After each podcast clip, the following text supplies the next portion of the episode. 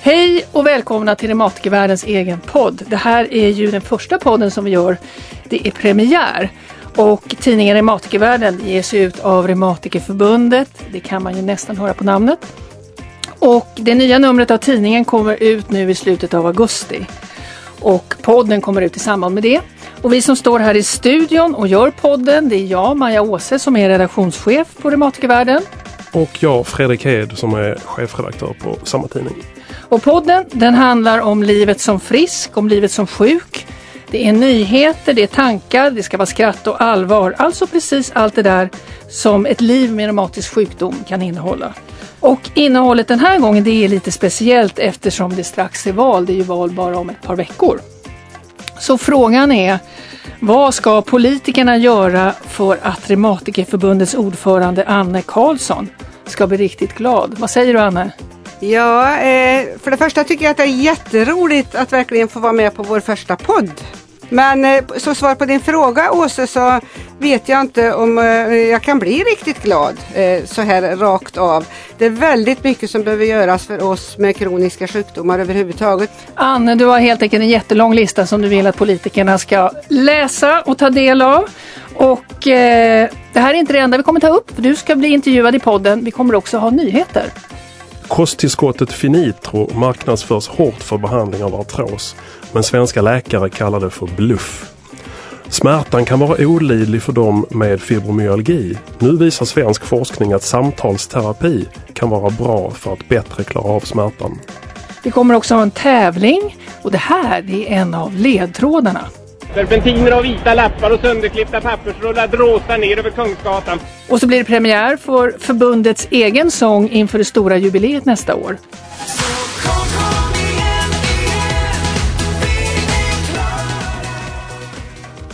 Ja, det blir en hel del musik i Reumatikervärldens alldeles första podd.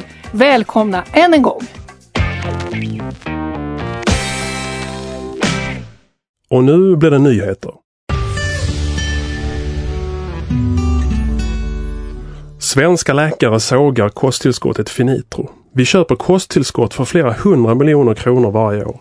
Men mycket av det vi köper ger inte den önskvärda effekten. I reumatikervärlden nummer fyra sågar svenska läkare kosttillskottet Finitro som lovar mycket men inte levererar. Det holländska företaget bakom produkten gör reklam bland annat på Facebook och använder uttryck som fantastiskt resultat och ett liv fritt från smärta. Det är bara det att det inte finns några vetenskapliga studier som styrker de här påståendena. Företaget bryter mot läkemedelslagen men eftersom de verkar från Holland kan svenska myndigheter inte komma åt dem. Tore Saxne är professor i reumatologi i Lund och han säger att preparatet innehåller ingenting som har några som helst vetenskapliga belägg för de effekter som beskrivs. Så köp inte Finitro. Ja, alltså det betyder att det här Finitro, det är helt enkelt en, som du säger, det är en bluff. Ja, det är en bluff. Det finns, de har inte gjort några studier på produkten och det finns inga vetenskapliga belägg för deras påståenden. Så det är ingen idé att köpa det. Då vet vi det. Människor med fibromyalgi upplever mycket smärta och ny svensk forskning visar att den går att klara av bättre med så kallad kognitiv beteendeterapi, KBT. Med hjälp av KBT lär man sig tekniker för att bättre klara av den ständiga smärtan Eva Kosek är ansvarig läkare för studien på Karolinska institutet. Hon menar att KBT inte påverkar själva smärtkänsligheten, men att det med hjälp av KBT kan gå att förändra hjärnans sätt att bearbeta smärtsignalerna så att de inte blir lika störande. Annette Stenbeck bor i Järfälla och har varit med i studien. Hon tycker att terapin har varit bra. Idag vågar hon göra fler saker, som att resa och gå ut på middagar. Jag vågar helt enkelt utmana mig själv idag, säger Annette Stenbeck i Reumatikervärlden. Ja, men intressant, betyder det alltså om man har fibromyalgi så ska man gå till sin läkare och säga jag vill testa terapi? Absolut. Det finns inga garantier för att det kommer fungera jättebra men man ska absolut pröva. Studien visar att det fungerar. Så många som 5000 svenskar kan vara drabbade av den inflammatoriska ryggsjukdomen ankyloserande spondylit, AS, utan att veta om det. Det visar en undersökning som Reumatikerförbundet har gjort tillsammans med webbsajten NetDoktor. AS kallades tidigare Bechdrevs sjukdom och drabbar framförallt ryggen. De flesta som drabbas är män och sjukdomen debuterar vanligtvis före 40 års ålder. Många med ryggont i undersökningen vittnar om att de är missnöjda med sjukvården och att de inte blir tagna på allvar. De har skickats runt mellan olika instanser och bara en av fem har fått träffa en specialist. Men betyder det om man har lite allmänna symptom på ryggsmärta att man ska gå till läkare och börja prata om AS? Eller? Man ska absolut gå och prata med sin läkare. Sen finns det ju vissa kriterier som hjälper läkaren att ställa diagnosen. Därför är det bra att söka vård och eh, begära då att få träffa en specialist som kan mycket om ankyloserande spondylit. Spenshults sjukhus lade ner sin reumatiska sjukvård i somras. Många människor har oroats över forskningen som bedrivits där. Men nu kan vi på Reumatikervärlden berätta att forskningen flyttar till Halmstad och istället utökar sin verksamhet. I Halmstad flyttar man in i lokaler bredvid Bäckagårds vårdcentral och därmed kommer man närmare primärvården där det finns fler patienter med reumatiska sjukdomar. Enligt Stefan Bergman, som är forskningsledare på Spenshult, kommer forskningen till stor del att inriktas på hur sjukdom, symptom och ohälsa är utbredd i befolkningen och varför vissa människor blir sjuka. Stefan Bergman säger i reumatikervärlden att de kommer att titta mycket på risk och friskfaktorer som fysisk aktivitet och andra levnadsvanor. Det var en del av de nyheter om läkemedel och forskning som finns med i senaste numret av Reumatikervärlden som går ut till medlemmar i Reumatikerförbundet. Du kan läsa mer på Reumatikerförbundets webbsida och naturligtvis i papperstidningen. Ja, det var nyheterna och nu så går vi vidare i Reumatikervärldens podd. Snart så är det val, det är bara några veckor kvar och det är många frågor som diskuteras. Men vi här på Reumatikervärlden, vi tycker förstås att våra frågor är de intressantaste och att de inte riktigt får tillräckligt stort utrymme. Men det ska de få här och nu, för nu är det dags för valspecialen i podden med ordförande i Reumatikerförbundet Anne Karlsson.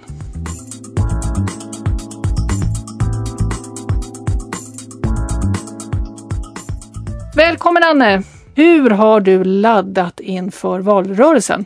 Ja, vi har ju laddat genom att för det första följer vi upp. Vi har ju eh, under hela året egentligen eh, försökt att uppvakta politiker. Och det har vi gjort både på nationell nivå men också har våra distrikt och föreningar ute i landet pratat med sina landstingspolitiker. Och hur är det bästa sättet för att få politiker på alla nivåer att lyssna på er? Vad har ni för tricks? Vårt trix är att vi vill prata öga för öga med våra politiker och då har vi någonting som är viktigt och som är fakta och som vi driver och också oftast en fråga som också går att genomföra utan att det kostar väldigt mycket pengar. Det är vårt trix. Och för vår del handlar det nu om att se till att politiken Eh, implementerar, som det heter på fint språk, eller inför då de nationella riktlinjerna för rörelseorganens sjukdomar. Och det innebär att människor med till exempel ankoliserande spondylit eller, eller inflammatorisk ryggsjukdom ska snabbt kunna få en diagnos därför att kunskapen som redan finns är då utlärd också ut i primärvården. Men jag tänker på att det kommer ju hur många olika patientorganisationer, intresseorganisationer och det är olika folksjukdomar som cancer, hjärt och kärl, kärlsjukdomar, det är svårt att uttala. Alla möjliga kommer, kommer till politikerna och säger den här frågan är viktigast och ni ska satsa er politik på oss och vi vill ha mer pengar för det där och det där. Hur konkurrerar Reumatikerförbundet med alla de här? Vi går inte ut och ber om några pengar. Vi går ut och talar om hur vården borde jobba på ett bättre sätt för att göra det som vården redan egentligen har talat om att man ska göra. Eh, det gör vi. Eh, därför att eh, då vet vi också att människor kan kanske i många fall komma tillbaka till arbete. Bara de får sin diagnos eller får sin rätta behandling och det är sånt som inte vi tycker, egentligen så borde inte vi finnas för att göra det. Men tyvärr ser det ut så med ojämlikhet i, i, i svensk hälso och sjukvård om vi håller oss till den lilla detaljen som hälso och sjukvården är. Men jag antar att ni är ute och träffar politikerna och du säger öga mot öga. Ni, ni träffar politikerna. Va, vilket genomslag tycker du att ni får? Vad händer då med de här när ni träffar dem och när ni tycker saker och ting? Vad händer då? Ja det är väldigt, väldigt olika. Eh, Ibland blir det eh, jättebra eh, och eh, man faktiskt tar tag i våra frågor. Kan du ge något exempel? Ja det kan jag göra. Vi hade, eh, det finns också politiker som vill träffa oss kan jag säga. Och i det här exemplet som jag har, då var det politiker i Sörmland som kom till Reumatikerförbundet och sa vi vill eh, lyssna på er, vad tycker ni är de viktigaste frågorna? Och då fokuserade vi på en av våra diagnoser, artros. Och så pratade vi om artrosskolor. Ja, de här politikerna som var hos oss, de gick omedelbart till landstinget i Sörmland som inte hade en enda artrosskola. Det här var förra året. Skrev en, en eh, interpellation och landstinget beslutade att omedelbart införa artrosskolor. Det tycker jag är att få ett jättefint genomslag. Det här anknyter ju fint till din ledare i senaste reumatikervärlden. För där så skriver du att det är dags att artros blir en valfråga. Jag tänkte bara prata lite om artros för det är temat i tidningen. Artros, det är en väldigt vanlig sjukdom. Och det är trots det så är det många som inte vet vad det är för någonting.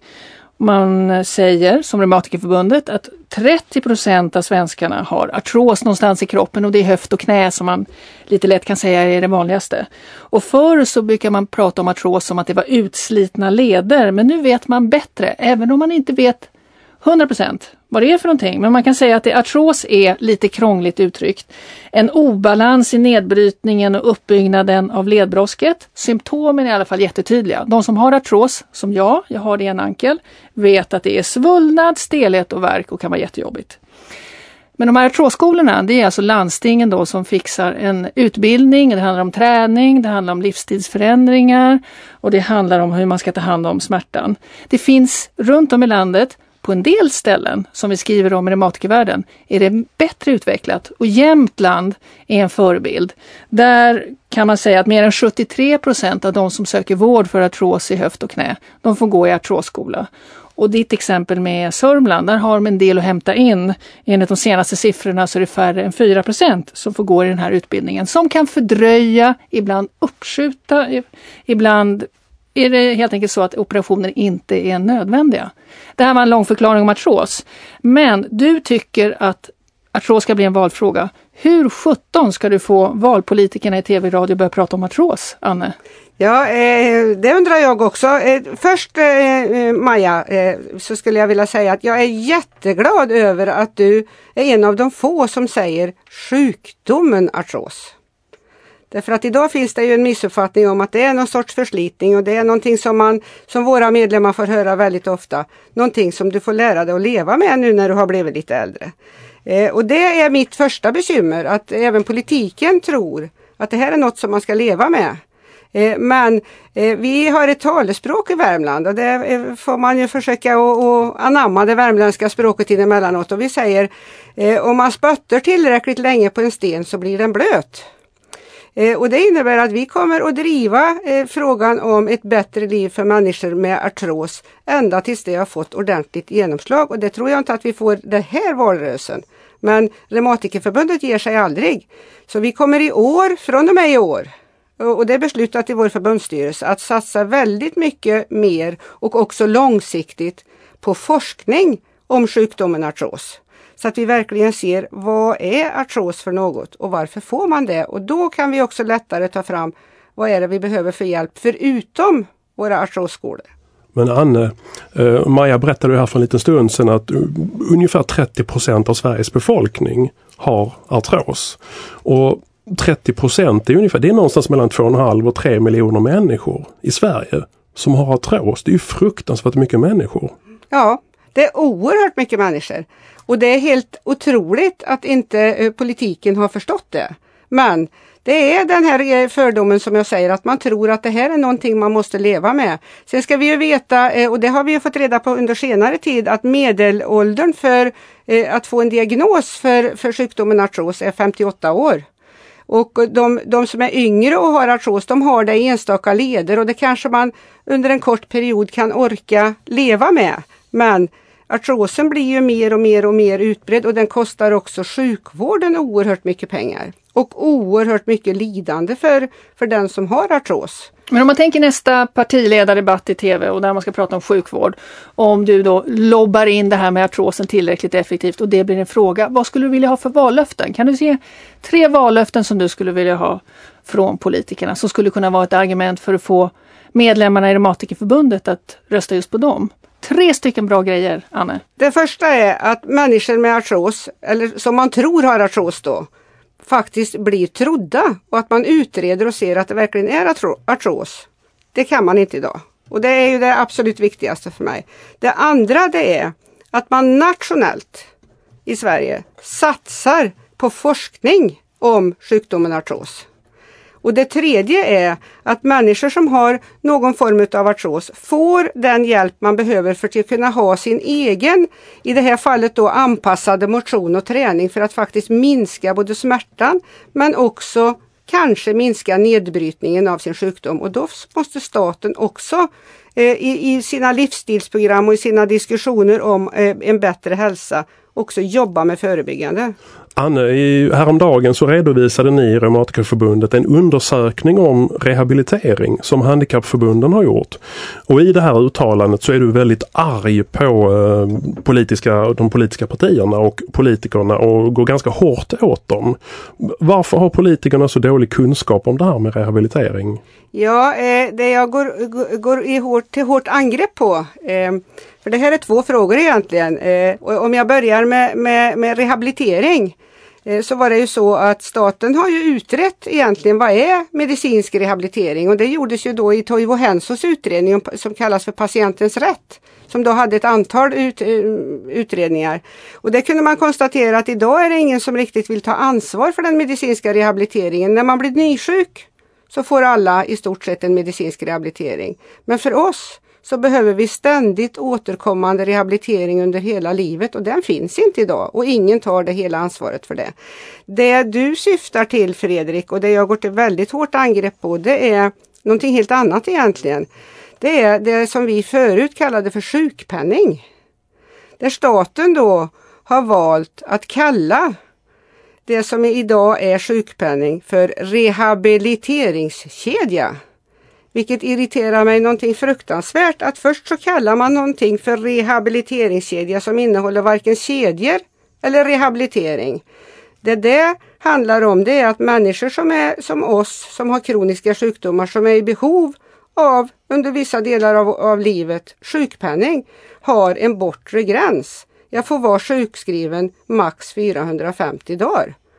Och om jag då inte är frisk efter 450 dagar, ja då får jag lösa det på annat sätt. Så vad vill du ha? Vad skulle du vilja ha för förändring? Ja, jag vill ju inte för det första att man kallar någonting för rehabiliteringskedja som inte innehåller någonting av rehabilitering. Och då får man ju hitta andra modeller för ska vi ha det här så kanske det är så att man måste gå tillbaka till den gamla modellen att Försäkringskassan fick köpa tjänster av hälso och sjukvården. Eh, eller att vi i alla fall har en bättre tillgänglighet till svensk hälso och sjukvård. Vi vet idag att det finns människor som har varit sjukskrivna i över två år som är utredda och färdiga och väntar på nästa steg i sin behandling och går och är sjukskrivna under den tiden och hamnar utanför denna rehabiliteringskedja och inte kan leva på någonting därför att sjukvården hinner inte ta emot dem i rätt tid. Vi måste få försäkring, den delen vi kallar för sjukpenning och den delen som är hälso och sjukvård att vara en del av en helhet där man då ser till individen och att individen ska bli frisk eller så frisk det går utifrån sitt sjukdomstillstånd och det fungerar inte idag. Här finns ju också ett eh, vallöfte, val, vallöfte att utkräva av politikerna. Det är ett oerhört stort eh, krav som vi har och det har vi fört ända sedan eh, den förra socialministern eh, och det var ju då socialförsäkringsministern, ursäkta mig, Kristina Husmark Persson startade upp med utredningen om rehabiliteringskedjan. Vi har haft oerhört många uppvaktningar utav henne. Eh, och där har vi misslyckats totalt, både vi och alla andra som har försökt. Om du summerar ditt krav kring detta med rehabilitering, hur skulle det se ut? Hallå politiker, det här vill vi.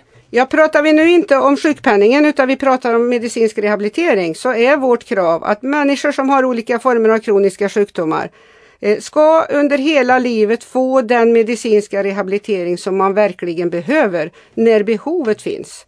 Och då är det rehabiliteringen som gäller och ingenting annat. Och då kan man inte bli slussad hit och dit och fram och tillbaka och, och man hävdar att vi har ingenting att ge dig. Tusen tack för att du kom. Anne Karlsson, ordförande i Reumatikerförbundet. Tack så mycket. Tack!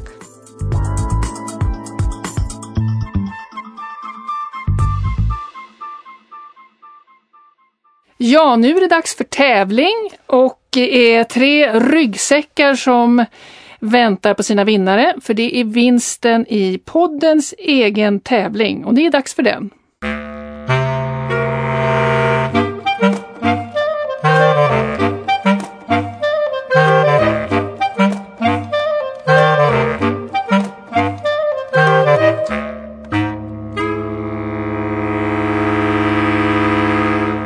Ja, i varje nummer av podden här, Reumatikervärldens podd, så är det en tävling.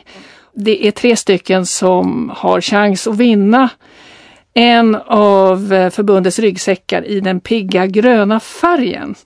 Och frågan den här gången, den handlar om att nästa år så fyller ju Reumatikerförbundet jämnt. Ja, det är dags för ett stort jubileum 2015, men frågan är hur mycket fyller förbundet? Och här kommer två ljudliga ledtrådar i form av en slager och så ett nyhetsklipp från det år som förbundet grundades. Så frågan är, vilket är året? Serpentiner och vita lappar och sönderklippta pappersrullar dråsar ner över Kungsgatan. Från vartenda kontor sträcker sig hundratals människor ut. Alla jublar och är glada. Budet om segern har kommit. Ingen tänker just nu på arbete på hundratals av Stockholms kontor.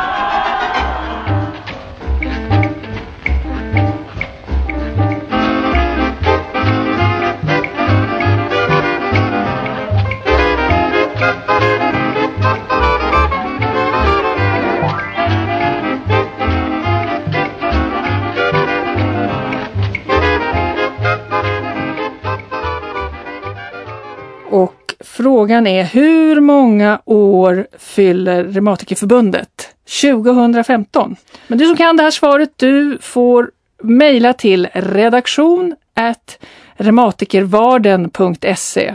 Mejladressen är alltså redaktion reumatikervarden.se och senast på valdagen den 14 september. Vi tog det datumet vi tänkte det skulle vara lätt att komma ihåg det.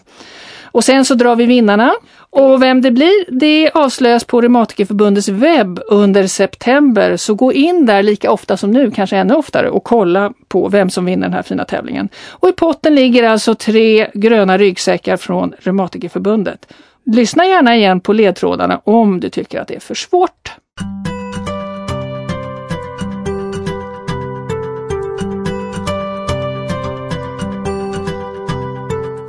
Här i Reumatikervärldens podd så slänger vi oss mellan skoj och allvar. Och nu ska vi möta Madeleine som är med i en stor intervju i senaste Reumatikervärlden. Madeleine hon var mitt uppe i träningen för hon skulle vara med i triathlon när hon blev sjuk. Hon fick stora utslag över hela kroppen och svullnade upp. Hon fick svårt att andas. Hon åkte in och ut på intensiven och det var en fråga som fastnade hela tiden i hennes huvud. Ska jag dö nu? Efter två månader så fick hon beskedet Du har SLE eller systemisk lupus erythematosus, alltså SLE, som är en autoimmun inflammationssjukdom där kroppen angriper sig själv. Det är 8000 svenskar som har den här sjukdomen. 9 av 10 är kvinnor och den kommer och går i skov. Och en stor intervju i Reumatikervärlden så berättar Madeleine, som är 40 år, om hur hon kämpar med sin SLE och om hur det var den där alldeles speciella dagen när hon kom hem från sjukhuset och skulle berätta för sina tre flickor att mamma, hon blir aldrig riktigt frisk igen.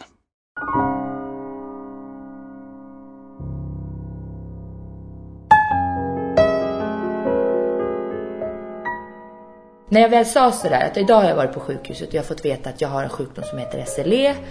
Ja, vad betyder det? sa de väl mer. Och då var inte lilla tjejen med, utan bara de två stora. Eh, ja, men det betyder att man har. Så försökte förklara att det var en reumatisk sjukdom, men man har ont i leden och att man kan få de här utslagen som jag hade haft. Och lite mer bara så. För det var ju det jag hade haft hittills. Eller dittills som man kanske säger. Och då sa de inte så mycket. Alltså de är ganska så här, ja ja, okej. Okay coola liksom, trygga i sig själva och säga, ja men okej, jag behöver se till om du behöver hjälp med något eller ja, lite mer så. Och sen så gick bara tiden och så har vi bara pratat öppet hela tiden. Typ att ja, idag ska jag till sjukhus men var inte orolig.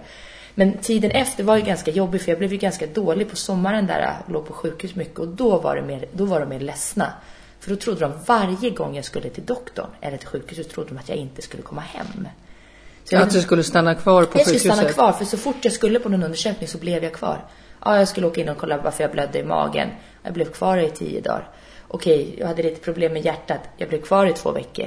Nu i november och december fick jag komma hem på permission över julen i, liksom på julafton i fem timmar med slangar och alla kan, kanyler kvar i armarna. Så att de har nog varit, jag tror inte att det har varit jobbigt att jag varit sjuk för att jag har varit ganska så här, tuff och skämtat lite om det. Lite så här, utan mer så här att de vill inte, det har varit jobbigt att jag varit borta, att jag lägger in och behövt besöka mig på de här platserna som jag har varit tror jag har varit mer sorgsna och behöva lämna mig kvar där liksom. Med den här gula filten ungefär, säger min lilla dotter. Den, den gula sjukhusfilten? Ja, det är min sjuåring kommer ihåg liksom. Och så, och så fortfarande om jag säger bara att jag ska, ah, jag ska bara på prover idag. Och då säger jag alltid Stella min yngsta då, som är, ska fylla åtta. Kommer du komma hem den här gången? Eller måste du vara kvar där nu? Eller kan de hjälpa dig? Lite mer så, det här barnspråket. Att, kommer du hem? Liksom så.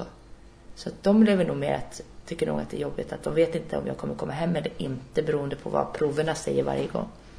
Det är tufft.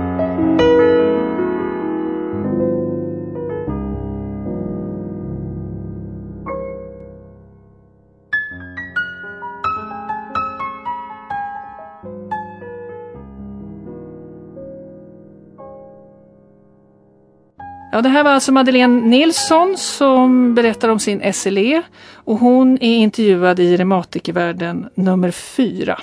Den här sjukdomen SLE, Fredrik, hur, hur, är det för dem idag som har SLE? Vilket, vilken är den vanligaste medicineringen? Vad är det för läkemedel man får? Alltså, det finns ju idag ingen läkemedel, ingen läkemedel eller behandling som botar den här sjukdomen som, som du sa. Men utan det man gör det är att man behandlar symptomen och läkemedelsbehandlingen varierar ju då efter vilka symptom människan har. Eh, mot ledvärken så används ju olika smärtstillande, framförallt antiinflammatoriska läkemedel.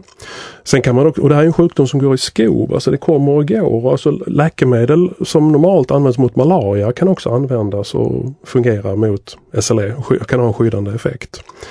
Annars så använder man ju till stor del olika immunförsvarsdämpande läkemedel. Det är ju liksom immunförsvaret som attackerar den egna kroppen och då, då, försöker man dämpa det och då känner man ju av sjukdomen mindre.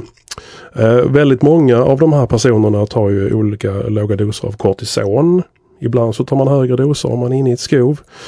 Eh, man kan också använda olika antireumatiska eh, läkemedel och immunglobuliner som också kan hjälpa till. Vad händer inom forskningen? Alltså det pågår ju väldigt mycket forskning eh, över hela världen och det är ju forskning både att förstå sjukdomen bättre men också forskning att försöka ta fram nya läkemedel och nya behandlingar som då kan lindra och naturligtvis förhoppningsvis bota den här sjukdomen.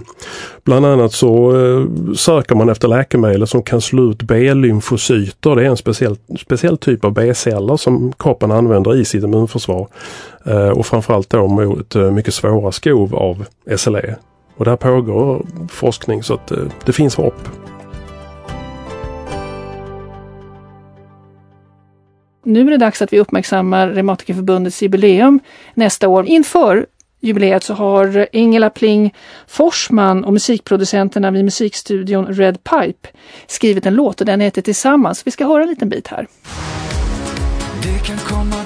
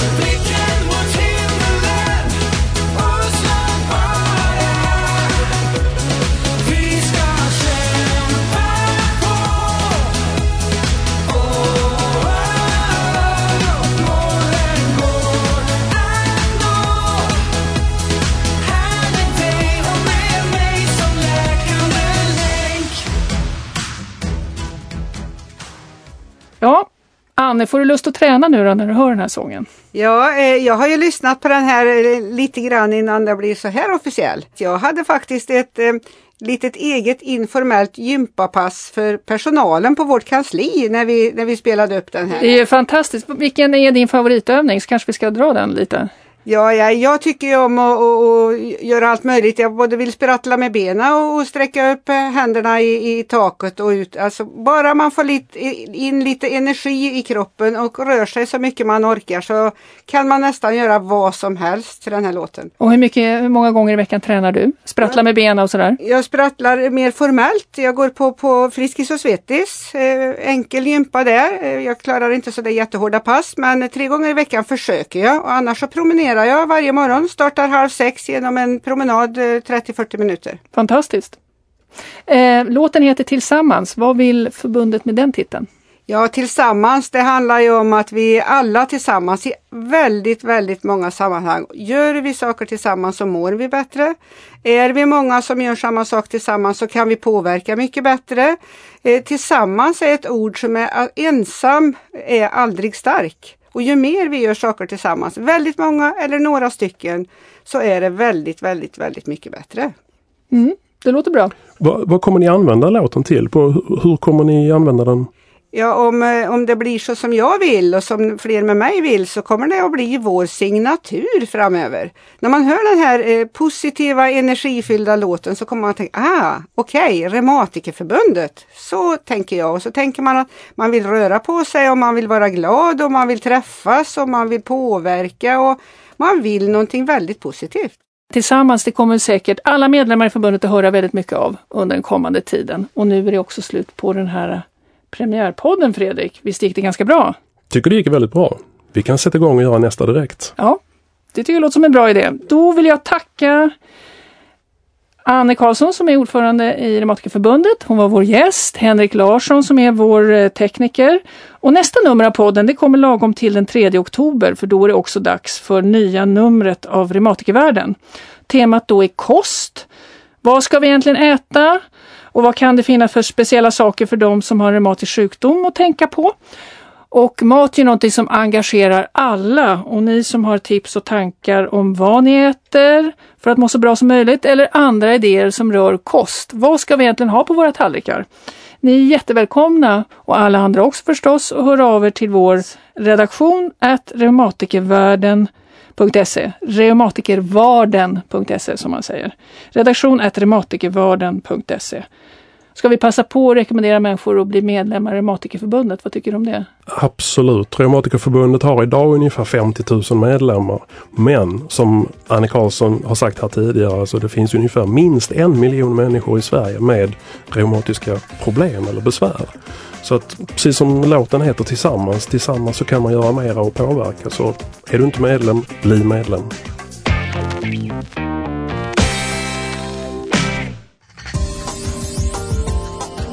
Det här är en produktion från Iris Media i samarbete med Reumatikerförbundet.